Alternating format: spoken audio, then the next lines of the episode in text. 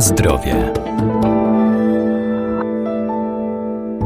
Etykiety na opakowaniach to dla nas cenne źródło informacji, dlatego należy je czytać, zwłaszcza wykaz składników użytych do produkcji danego wyrobu. Dotyczy to także popularnych tzw. Tak żółtych serów. Wówczas będziemy wiedzieli, z czym mamy do czynienia z serem czy produktem seropodobnym.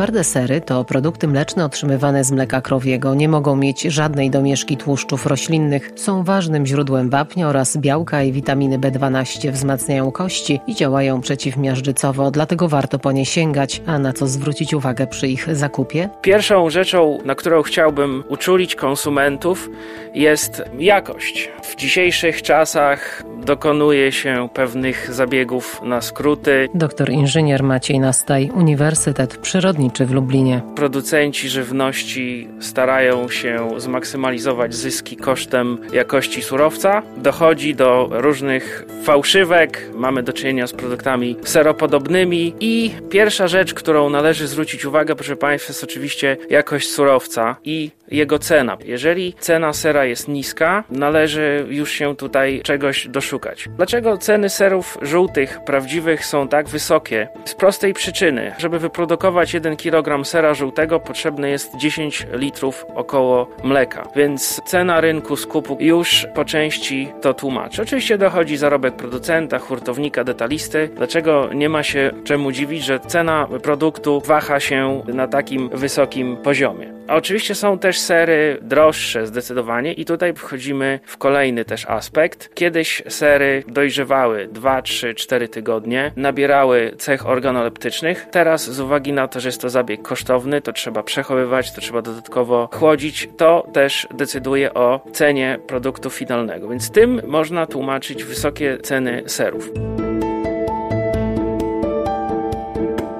Na zdrowie.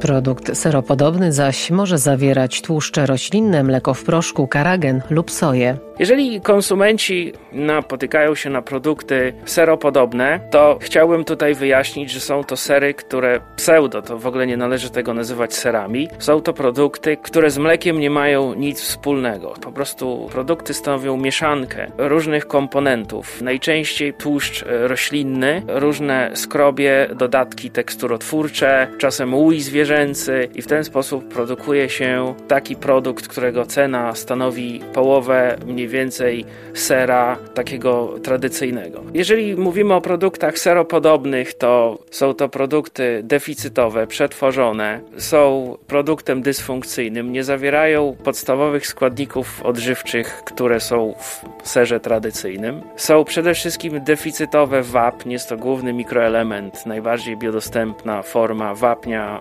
którą możemy znaleźć w żywności. Jest to właśnie wapń pochodzący z mleka i produktów mlecznych. Także podsumowując, jeżeli na etykiecie jest wspomniane cokolwiek o białku roślinnym albo tłuszczu roślinnym, to taki produkt serem nie ma prawa się nazywać.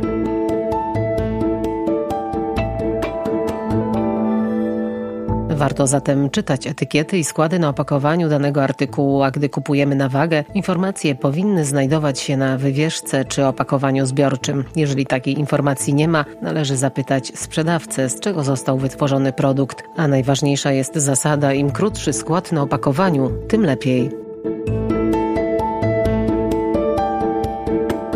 Na zdrowie.